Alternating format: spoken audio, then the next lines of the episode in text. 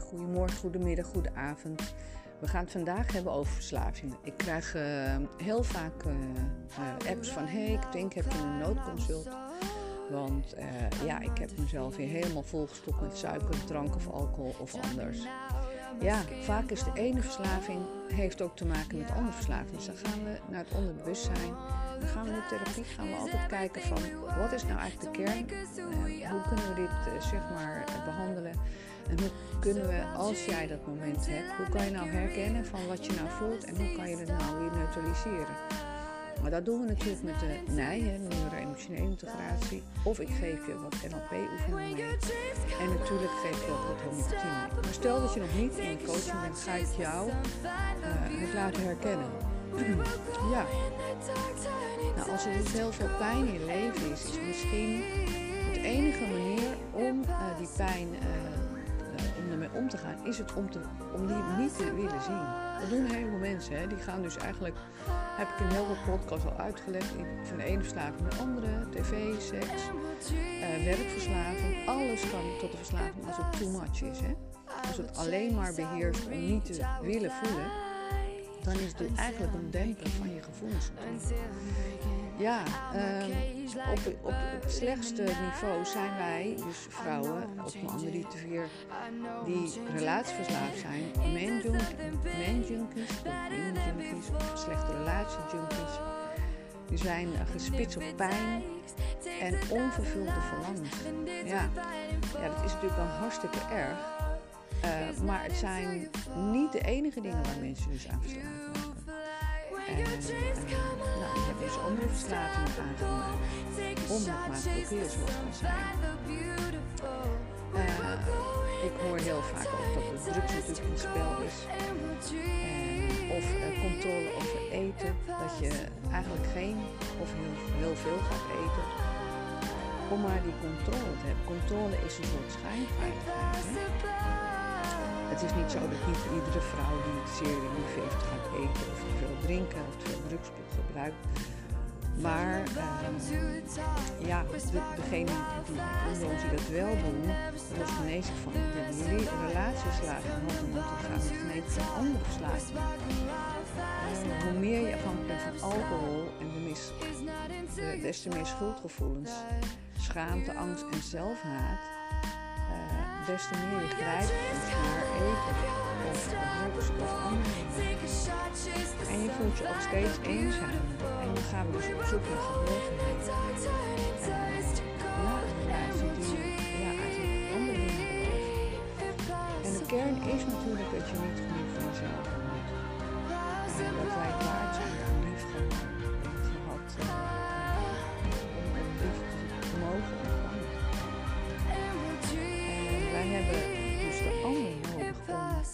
ja, onszelf te kunnen overtuigen dat wij die liefde waard zijn.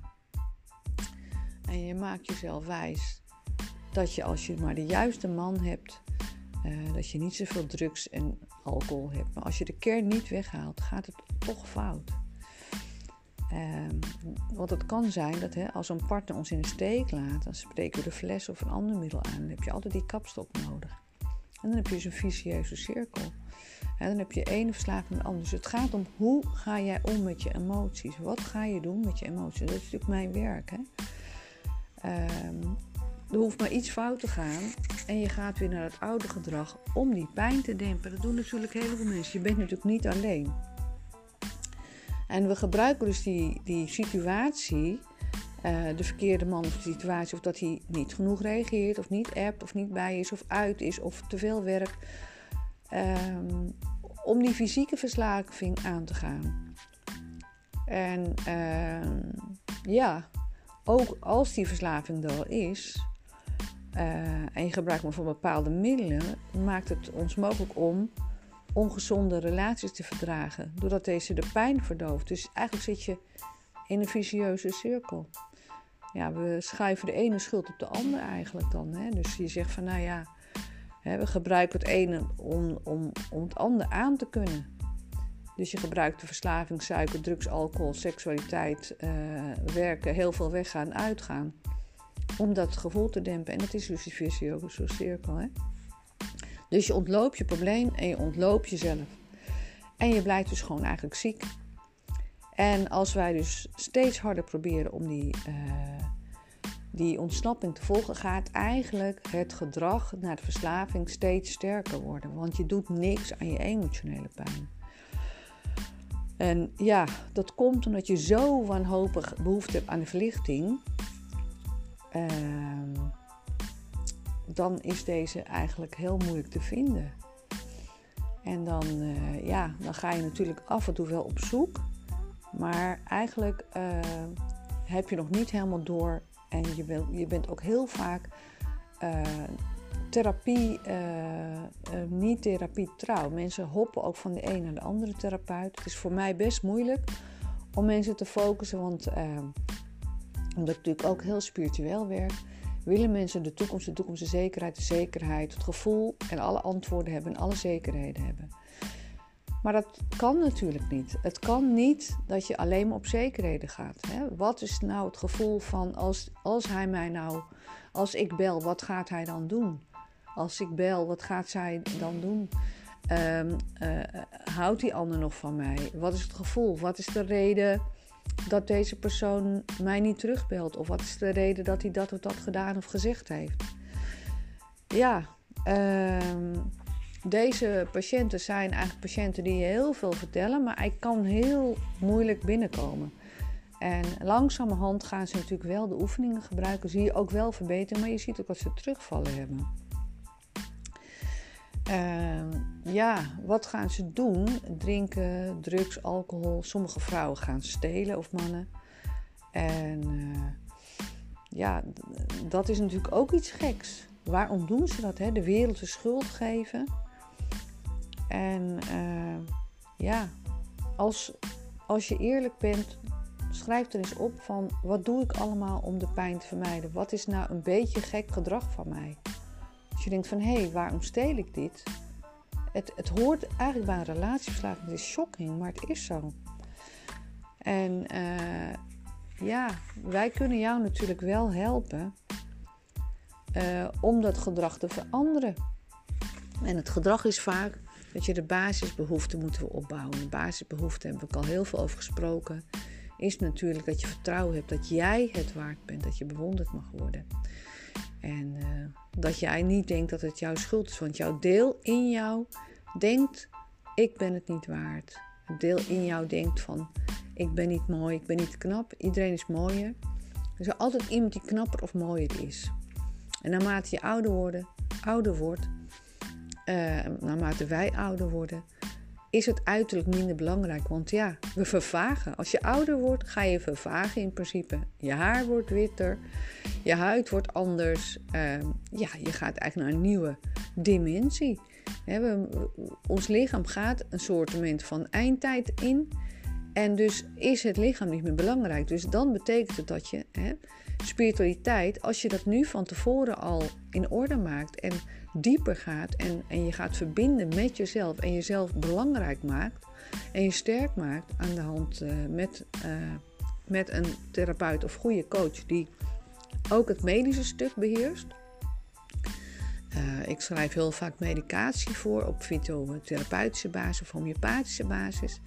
En zo kan ik heel goed monitoren en mensen begeleiden. En zo kom je er echt, echt, echt doorheen. En uh, eten, uh, als ik uh, zeg maar met een patiënt het eetverslaving aan ga pakken, dan betekent dat ik op de kern uitkom. Dat betekent soms al dat we een emotie van de moeder oppikken als men in de baarmoeder zit. Het gedrag van de moeder wordt vaak gekopieerd. Heel vaak is het zo dat degene die, uh, die ik coach, uh, als ik haar of hem laat kijken naar de relatie van de ouders, kopiëren ze natuurlijk een van de ouders. En is het heel vaak dat uh, de moeder alleen maar, zeg maar kijkt naar de ogen van de vader, wat de vader doet. En eigenlijk zichzelf niet belangrijk vindt. En dat is vaak de kern. En dat neemt natuurlijk een, een kind over. En ja, dat is natuurlijk super belangrijk dat je dat gaat veranderen. En dan gaan we al die traumapunten en al die momenten dat jij het hebt opgenomen. Je moet jezelf zien als een camera. En je hebt op dat moment ben je gaan filmen terwijl je eigenlijk je moeder bezig zag om alleen maar ja, dingen te doen voor je vader. Of je vader naar je moeder. We mogen niet discrimineren. En uh, ja, dus dan, dan zie je ook wat, voor, wat dat gedrag uh, uh, zeg maar oplevert. En als je dat maar heel vaak gezien hebt, hè, je lens, je camera, je geestesoog daarop focust, dan ga je dat natuurlijk als patroon vormen. Dat wordt jouw voorbeeld. Een kind, hè, dat is een projector. Die gaat alleen maar, die zuigt de emotie en sociale programma op. En nou, dan word je een stukje van je omgeving. En dat is wat wij in de neurowetenschappen met NLP en met NIJ neuro-emotionele integratie, dat schrijven we weg. En als jij gaat herkennen welke uh, subpersoonlijkheid noemen we dat, hè, welke emoties bovenaan staan, wat jouw gedrag bepaalt, waarom je het doet, en we gaan je diepste pijn weghalen, dan kom jij naar je eigen waarde toe en constant uh, jezelf een ander patroon laten zien en het herschrijven. Dus we gaan die hele film gaan we doorkrassen, kleiner maken.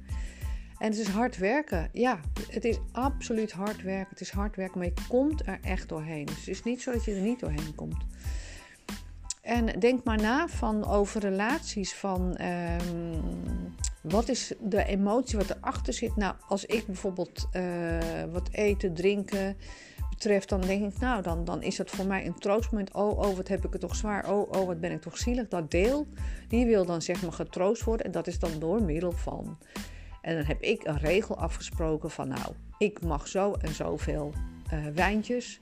Uh, want dat is anders, hè, mijn allerbeste vriend, mijn lichaam, die gaat dan lijden. En dan heb ik een visueel beeld gemaakt hoe slecht en hoe verdrietig en hoe slecht het voor mij is. En uh, ik heb een commitment met mijn lichaam dat ik heel goed voor mijn lichaam zorg. Dus hoeveel commitment heb jij met je lichaam? Dus mijn identiteit is gezondheid.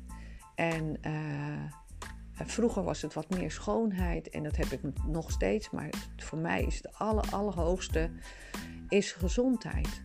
En dat gaat altijd winnen. Dus als je daar committeert, ik geef natuurlijk trainingen, NLP, binnen- en buitenland. Dus wil je echt het allerdiepste, het allersnelste gaan, ga dan een week mee naar Kaapverdië. Uh, we gaan ook uh, wat dichterbij. We gaan ook in het binnenland. Dus als je zegt van hé, hey, ik wil speedy uh, een vorm hebben waarmee ik kan werken. Want ik zeg niet dat het in één week over is.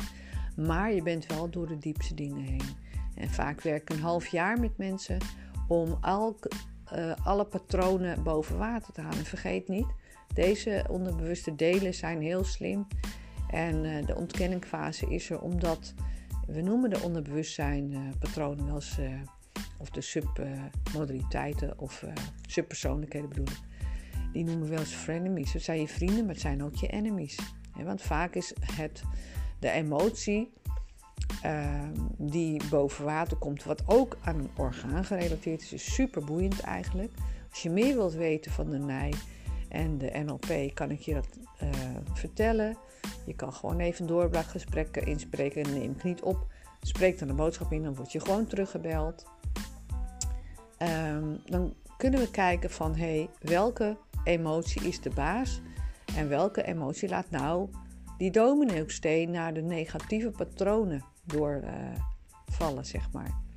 En vaak is dat bijvoorbeeld het verloren stuk of het overbezorgde stuk uh, van onze delen. En daar kan je met een hele mooie handeling kan je daar mee aan de gang. En toen ik dat ontdekte in uh, eh, 1995, wat dat deed met je lichaam en hoe je daarmee kan werken, heb ik uh, dat totaal geïmpliceerd in mijn, uh, in mijn coaching en mijn trainingen. Dus wanhoop niet.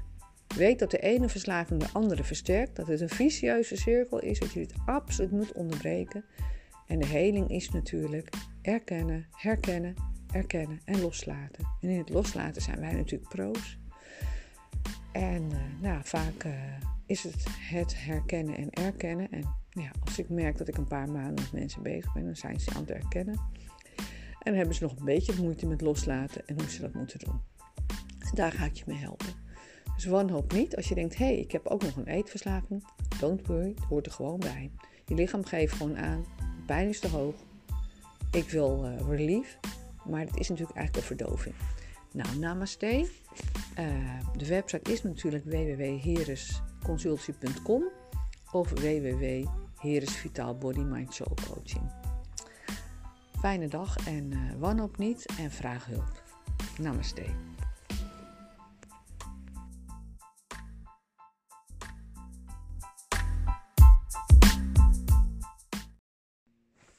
Ja, goedemorgen, goedemiddag, goedenavond. Ik maak weer mijn eh, wekelijkse podcast over verslaving.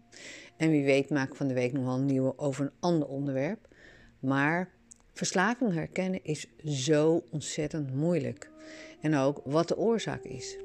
Ik leg heel vaak uit dat je uh, hetgeen wat jij liefde noemt, dat jij de vertaling van de liefde gemaakt hebt vanuit je jeugd. En dat dat eigenlijk het voorbeeld is van hoe liefde aanvoelt. Ga eens na en ga eens terug. Ga eens kijken. En in de therapie en coaching kunnen we daar natuurlijk ook via het onderbewustzijn bij komen als je er niet bij kan komen.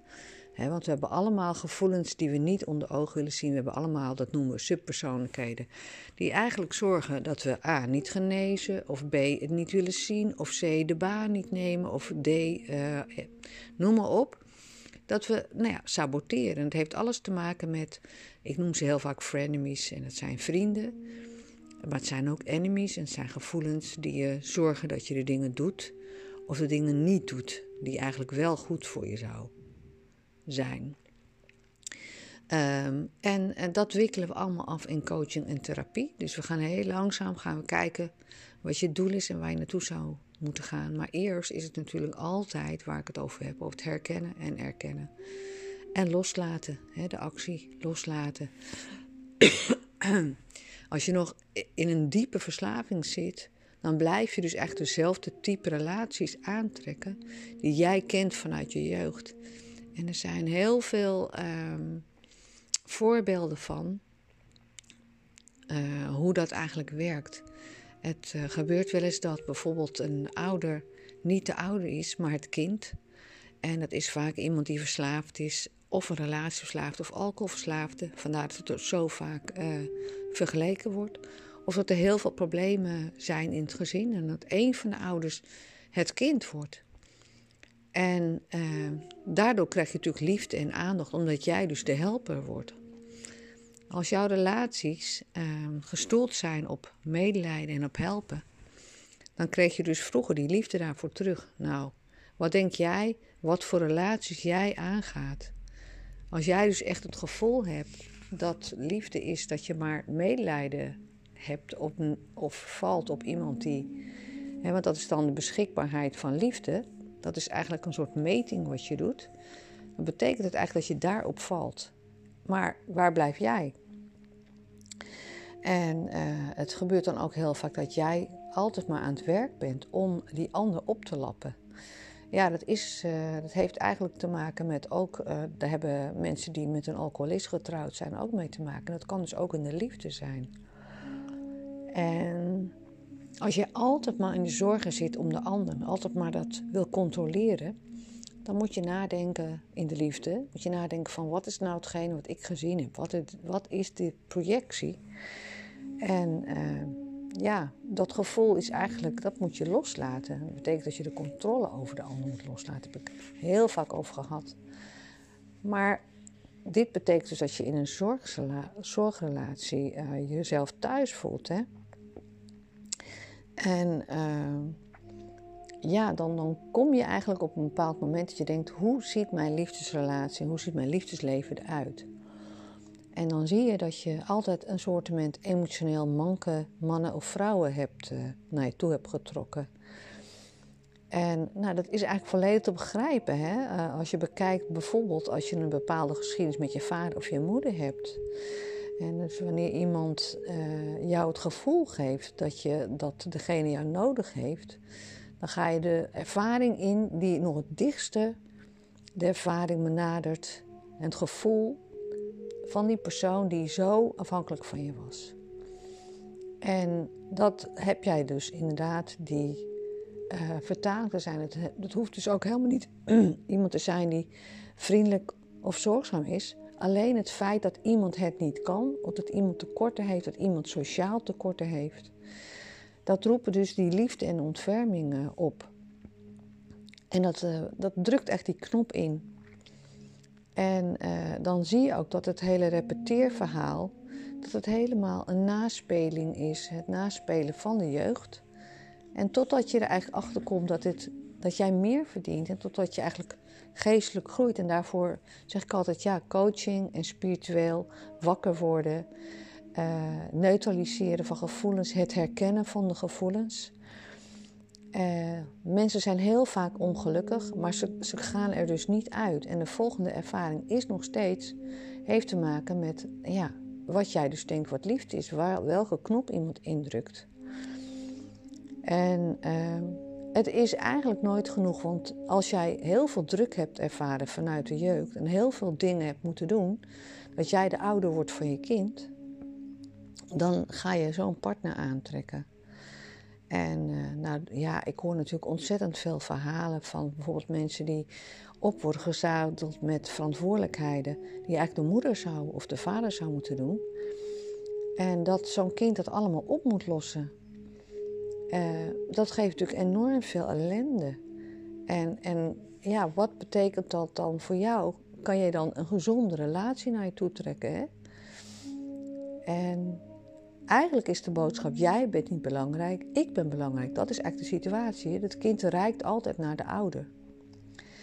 En dan gelooft dus die ander niet dat iemand het verdient, dat iemand zelf maar naar zijn of haar problemen zou luisteren. En uh, ja, als, als je daarachter komt, dan ga je jezelf natuurlijk belangrijk vinden. En dat is heel erg uh, inzichtelijk is dat heel belangrijk. Dat je denkt van, hé, hey, hoe zijn mijn relaties, mijn vrienden? Ga nou eens na. Hoe, waar gaat het allemaal over? Gaat het altijd over het probleem van de ander? Of wordt er ook naar jou, ja, naar jou geluisterd? En als je dat merkt, probeer dan eens te zeggen: Goh, ik wil nu daar en daar over hebben. En ik wil het nu over mijn dingen hebben. En uh, ja, eigenlijk is dat best wel een toxische relatie als je het ook met vrienden hebt. Hè? En uh, langzamerhand ga je dus herkennen van hé, hey, hoe gezond zijn mijn vriendschappen. En het is belangrijk dat je daar natuurlijk ook mee uh, geconfronteerd wordt en daaraan gaat wennen. Schrijf een, gewoon een paar dingen op en ga nou eens na. Hoe is de relatie met mijn vader en mijn moeder? Gaat het alleen maar over hun problemen? En uh, hoe gezonder je wordt, hoe meer je eigenlijk ziet en het gaat herkennen. En dat is dus eigenlijk wat ik jullie mee zou willen geven. Ga eens kijken van hoe het met jouw ruimte is. Hoe is het met jou gesteld? En uh, nou, hoe, hoe is het met jouw zelfopofferingspatroon? Hoe is dat? He, zelfopoffering, wat haal je ervoor?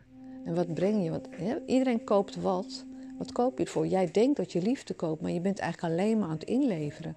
Je wordt in principe opgeschopeerd, want het meer is nooit vol. Het is nooit genoeg. En uh, ja, jij blijft eigenlijk achter. Dus wat koop je ervoor? Is dat jij denkt dat je liefde krijgt en dat dat op die manier dat het jouw rol is. En uh, het is een best wel een toxische relatie, hè? En uh, ja, het, het, is niet zo dat je niet houdt van de ander. Je houdt waanzinnig veel van de ander. Maar het maakt dat bijvoorbeeld als een kind die verknocht aan die moeder en die vader en die grote opoffering van haar eigen noden en behoeften, als je daardoor uh, eigenlijk jezelf in de steek laat, uh, dan, dan komt jouw hele persoonlijkheid niet tot ontplooiing. Um, en en wat, wat, wat is vaak het besluit van een kind, is ja, dat je een beslissing hebt genomen om iedere moeilijkheid in het leven van bijvoorbeeld de ouder, door, de, door dus de kracht van liefde en uh, zelfverloochening glad te strijken. Dus niks is erg. Je rekent de ander niks aan en de ander heeft geen verantwoording en jij gaat alleen maar harder werken. Dat, dat doe je in je onderbewustzijn. Hè?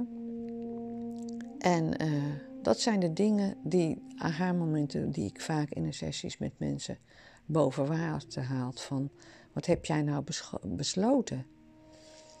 Uh, en als het dus gaat over je eigen welzijn, dan kan je vragen in hoeverre is dit voor mijn eigen welzijn goed? En uh, vaak is het natuurlijk zo dat die liefde er ook niet komt. Hè? Wanneer je dus er ondanks alle pogingen als je er niet in slaagt dus van de liefde van die persoon te verzekeren, ehm, wat gingen die mensen dan vaak doen? Wat doe je dan vaak? Ga je nog harder werken. En dat is eigenlijk ja, een beetje een Don Quixote idee. En uh, daar ga je natuurlijk, en dat, dat, daar hebben we natuurlijk heel veel boeken. Een heel mooi boek is Robin Norwood. En je hebt ook boeken Liefdesbang. Maar dan zie je ook die spiraal, dat je eigenlijk steeds minder naar jezelf gaat kijken. Het wordt een, echt een neerwaartse spiraal. En uh, eigenlijk gaat de ander gaat nog, zich nog slechter gedragen. Hoe harder jij werkt, hoe slechter de ander zich gedraagt. Als de ander natuurlijk in therapie is en er is een therapeut bij verbonden, dan gaat hij natuurlijk op de eigen verantwoording uh, werken natuurlijk. Hè? En nou, je gaat zien wanneer de ander manipulatief is en bazig en uh, zelfzuchtig is. En dat zijn hele, ja, zeg maar, en soms zie je dat wel, maar iets in je onderbewustzijn heeft een soort van anker naar, uh, nou, ik ga dit oplossen. En soms is het niet op te lossen. Soms mag je de andere, soms mag je gewoon de controle loslaten. En uh, je mag die persoon ook loslaten. Soms is het echt heel goed om even alleen te zijn, al één te zijn. En nou, het is natuurlijk uh, na therapie wel zo dat je, of in ieder geval in de therapie zo dat je niet meteen de gezonde relaties aan kan trekken, want je moet eerst afkicken. Je moet eerst alles opruimen in je onderbewustzijn. En vaak is het zo dat je de persoon die helemaal gewoon zen is, dat je die helemaal niet aantrekkelijk vindt. Dat het ook helemaal niet bij je patroon uh, past. En uh, ja, dan gaan ze de ene voor de ander verruilen. Dan hebben ze ook wel eens een terugval. En dat mag ook. Hè. Soms heb je een terugval. Dat is net met alcoholisme. En daarvoor vergelijken we vaak alcoholisme en relatieverslaving met elkaar.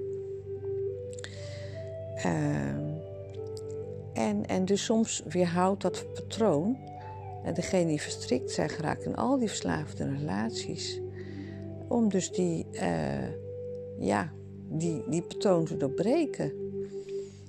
Ehm, en dat is gewoon eigenlijk wat je mag doen, is, is ja, de overtuiging veranderen en je onderbewustzijn veranderen. En uh, je moet eigenlijk denken van what's in it for me. En het klinkt heel gek, maar het is echt belangrijk. Van wat heb ik besteld? Dat vraag ik ook heel vaak aan mijn, patiënt, uh, mijn patiënten, cliënten. Ik heb natuurlijk ook medische patiënten. En uh, wat is eigenlijk je overtuiging over liefde? Als jij denkt dat lijden en liefde bij elkaar horen, dan zit je dus op een pijnpad. En dat pijnpad, dat vergelijk ik vaak, die mag je verlaten. We gaan nu naar het bloemenpad. Maar dat moeten we helemaal opnieuw aanleggen. We moeten het bloemenpad van liefde moeten we helemaal opbouwen. Zaadjes planten en uh, harken. En af en toe het onkruid weggaan. Onkruid zijn negatieve patronen. En het bloemenpad mag heel breed en heel groot worden. Het mag echt dat andere pijnpad overwoekeren. En uh, nou, ik hoop dat, dat het jullie lukt. En iedereen heeft natuurlijk een eigen patroon van de basis. Maar vaak zit de basis, hè, basisbehoeften. Dat betekent uh, verzorging, respect bewondering. Waar haak je op aan? Wat is het belangrijkste basisbehoefte wat niet vervuld is? Nou, als bij heel veel uh, verslaafd is het natuurlijk verzorging en bewondering en respect. Zelfrespect, zelfwaardering. En dat gaan we helemaal opbouwen met therapie. Het lukt echt. echt het, is, het is echt moeilijk om van het pijnpad vandaan te blijven. En ik zeg nooit dat, uh, dat je nooit meer erop gaat. Soms doe je even een uh, stapje op het pijnpad en denk je, oh, no, no, no. En dan moet je heel hard werken met je onderbewuste patronen. En de manier waarop wij werken is met neuro-emotionele integratie en NLP. Dat kan een maandje keihard werk zijn, want dit patroon is zuigend in de vorm dat uh, je het altijd toe aangetrokken voelt. En dat is gewoon heel moeilijk. Net als met alcoholisme is het een heel moeilijk iets uh, om vandaan te blijven. Dus je voelt je altijd aangetrokken tot die whiskyfles, oftewel de slechte man of slechte man, wat, of slecht voor jou. Hè? Niemand is slecht. Um, En die heerlijke havermelk, man of vrouw, die uh, zie je eigenlijk niet staan. Dat vind je maar een saaie fles. En daar gaan we mee aan de gang. Dus uh, wanhoop niet, je komt er echt.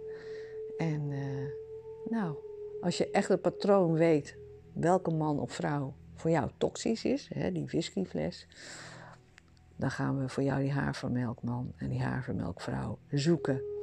Nou, namaste. En uh, mocht je nog vragen hebben, we kunnen altijd even een intake videocall doen. Om te kijken welke basisbehoefte bij jou zeg maar aansluit. Die van mij is bijvoorbeeld verzorging. Dus ik was de helper. Ik was de opofferaar. Ik was degene die altijd maar leidde. Uh, en, en, en dat heel normaal vond om. En valkuil is natuurlijk ook dat je therapeut bent en coach. Maar ik weet nu mijn limits in de vorm van dat ik denk: oh, maar dat is uh, onhaalbaar en uh, hier kom ik tekort. Dus we hebben allemaal onze wake-up calls en het komt goed. Uh, maar als jij weet welke basisbehoeften je hebt, weet je waar jij uh, het pijnpad op kan sluipen. En nou, we moeten op dat bloemenpad gaan. In namaste. En in deze podcast op dit kanaal staat een e-mailadres. Je kan e-mailen en de website staat er. Dus je kan even uh, via de website een uh, gesprek aanvragen. Dus wees nooit bezorgd dat je er nooit vanaf komt. En elke stap is er één. En uh, je kan abonnee worden en dan heb je voor 5 euro per maand bepaalde aflevering kan je, zeg maar de Insight aflevering kan je luisteren. En dan ben je als eerste altijd op de hoogte. Nou, namaste en nou, elke stap is er één en wanhoop niet.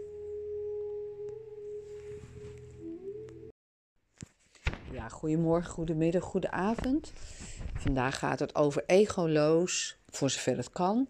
Mensen ontmoeten, dingen doen en eigenlijk ten volle van dingen kunnen genieten. Want heb jij ook wel eens dat je denkt van... wow, dit gaat eigenlijk uh, niet goed hoe ik eigenlijk de dingen doe. Want voor wie doe ik het eigenlijk nou? Als je die vraag al stelt, als je daar al mee bezig bent... ben je al eigenlijk in je groeicurve of in je groeimoment. Uh, want ja, heel veel dingen doen we als je bewust bent van wat je doet. En in de NLP en de coaching zijn we eigenlijk altijd aan het sturen. Weten wat het onderbewustzijn de basis is. Dus het huiswerk voor jou is van... hé, hey, hoe kan ik nou eigenlijk ten alle tijden... en nou, dat is natuurlijk wel een heel groot woord... hoe kan je ten alle tijden nou gelukkig zijn? Als je ergens naartoe gaat, is het belangrijk om te weten... en daarvoor zijn we altijd heel haarfijn aan het ontleden in de coaching van hoe zit jij nou in elkaar? Wat heb je nou voor regels en wat is je doel? Belangrijk is om te weten wat het doel is. Nou, ik was bijvoorbeeld gisteren op een event en natuurlijk ben ik ondernemer en ik doe hè, body, mind, soul coaching, ik doe de bedrijven en in principe heb ik alles in mijn zak om mensen gelukkiger te maken. Soms geef ik wel kaartjes weg, toen ik net mijn uh, bedrijf startte, was ik eigenlijk alleen maar met mijn eigen performance bezig. Dan zit je eigenlijk in je armoedebesef. Dat betekent dat je altijd aan moet staan. Nou, dat weten we natuurlijk wel wat dat is. Als je zeg maar influencer bent, dan kom je op de mooiste plekken, maar kan je dan echt genieten?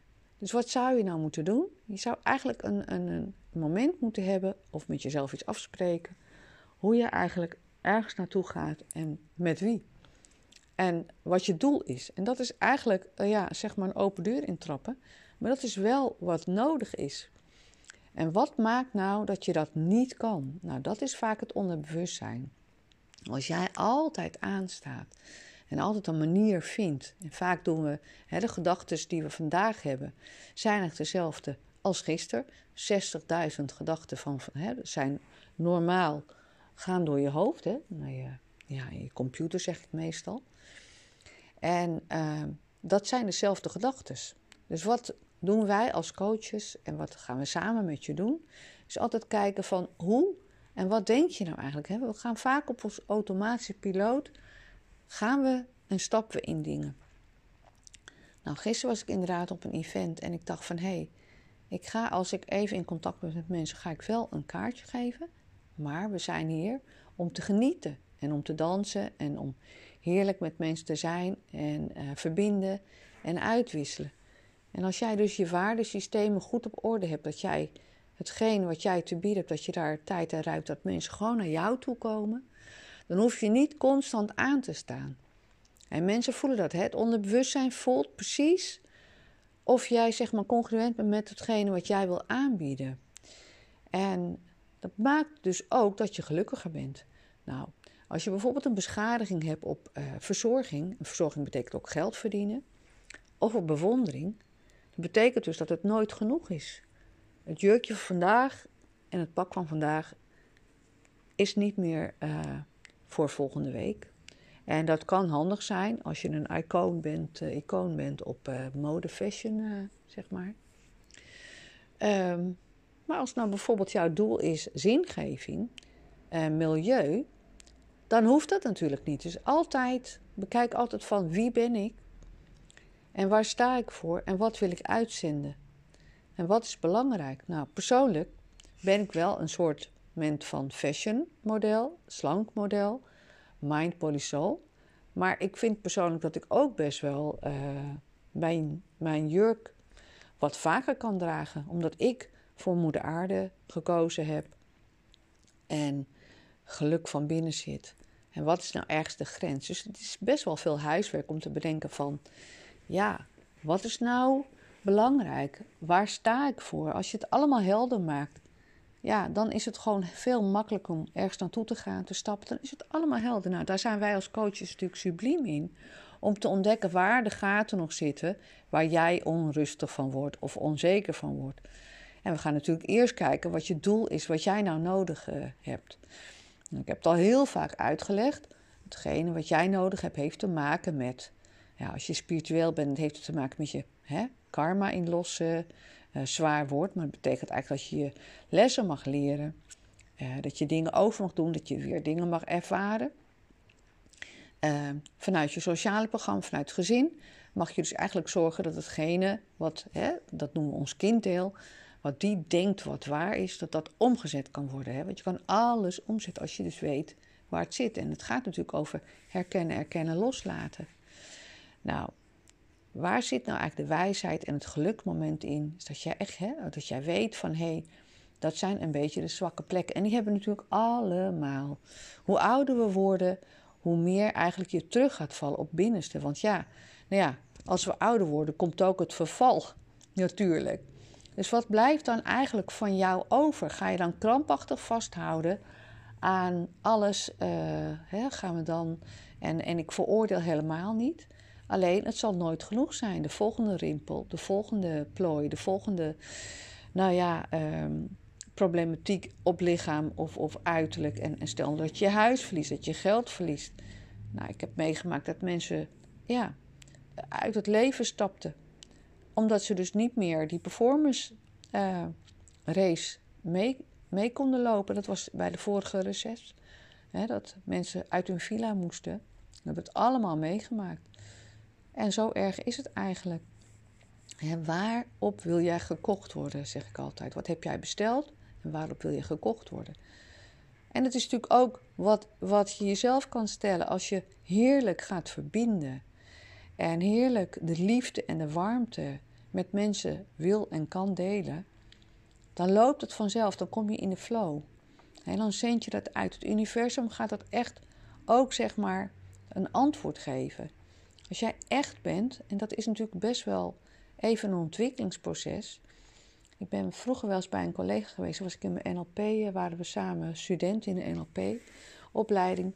En die was eigenlijk alleen maar aan het scannen. Hij was niet bij mij, het was ook nog mijn vriendje. En uh, toen dacht ik, nou, uh, hoe, waar komt dat vandaan? En nou ja, ik werd natuurlijk toen de tijd, iets van 30 jaar terug of zo, was ik best wel primair en ik werd een beetje boos op hem. Maar eigenlijk zat hij in zijn armoedebesef dat hij elke keer moest scannen hè, van ben ik nog belangrijk, zie ik nog mensen? En nou ja, targets en binnenhalen en succesformule en uitstralen en wie is belangrijk, wie niet. Ja, het is uh, natuurlijk een vreselijk iets. Dan ben je echt met die red race bezig. als jij het vertrouwen hebt dat het universum gewoon voor jou is, dan ja, is het eigenlijk zo dat, uh, dat het vanzelf naar je toe komt, dat die flow er is. Natuurlijk, hè, ik deel ook kaartjes uit, ik praat ook met mensen. Maar het is niet zo van, ik ben hier om te netwerken. Natuurlijk netwerken we allemaal, het is hartstikke fijn. Het is fijn als je opdrachten binnenhaalt, het is fijn als je mensen kan helpen. Persoonlijk haal ik heel veel geluk in het gezinnen opbouwen, mensen ook slanker, mooier en gelukkiger te maken. Natuurlijk ben ik ijdel. Er zijn heel veel dingen waar ik me natuurlijk ook nog bezig mee houd. Ik train ook drie keer per week. Als ik denk, ja, dit is ook door mij, uh, hè, bedoel, we mogen accepteren en je lichaam ook lief hebben in wijsheid.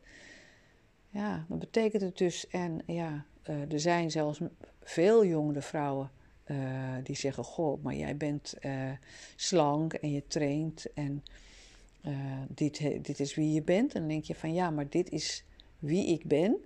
Uh, maar het is ook natuurlijk wel zo dat de binnenkant het allerbelangrijkste is. Sorry, ik heb nu een WhatsApp binnen en kan het niet uitstellen. Uh, uitzetten, sorry. Um, dus ik hoop dat jullie deze trigger mij vergeven. Maar het gaat om wat is de performance wat jij en, en wie ben jij? Hè? Vaak maar, laat ik maken mensen ook een, uh, een emotioneel paspoort maken. En dan mag natuurlijk buitenkant bijstaan.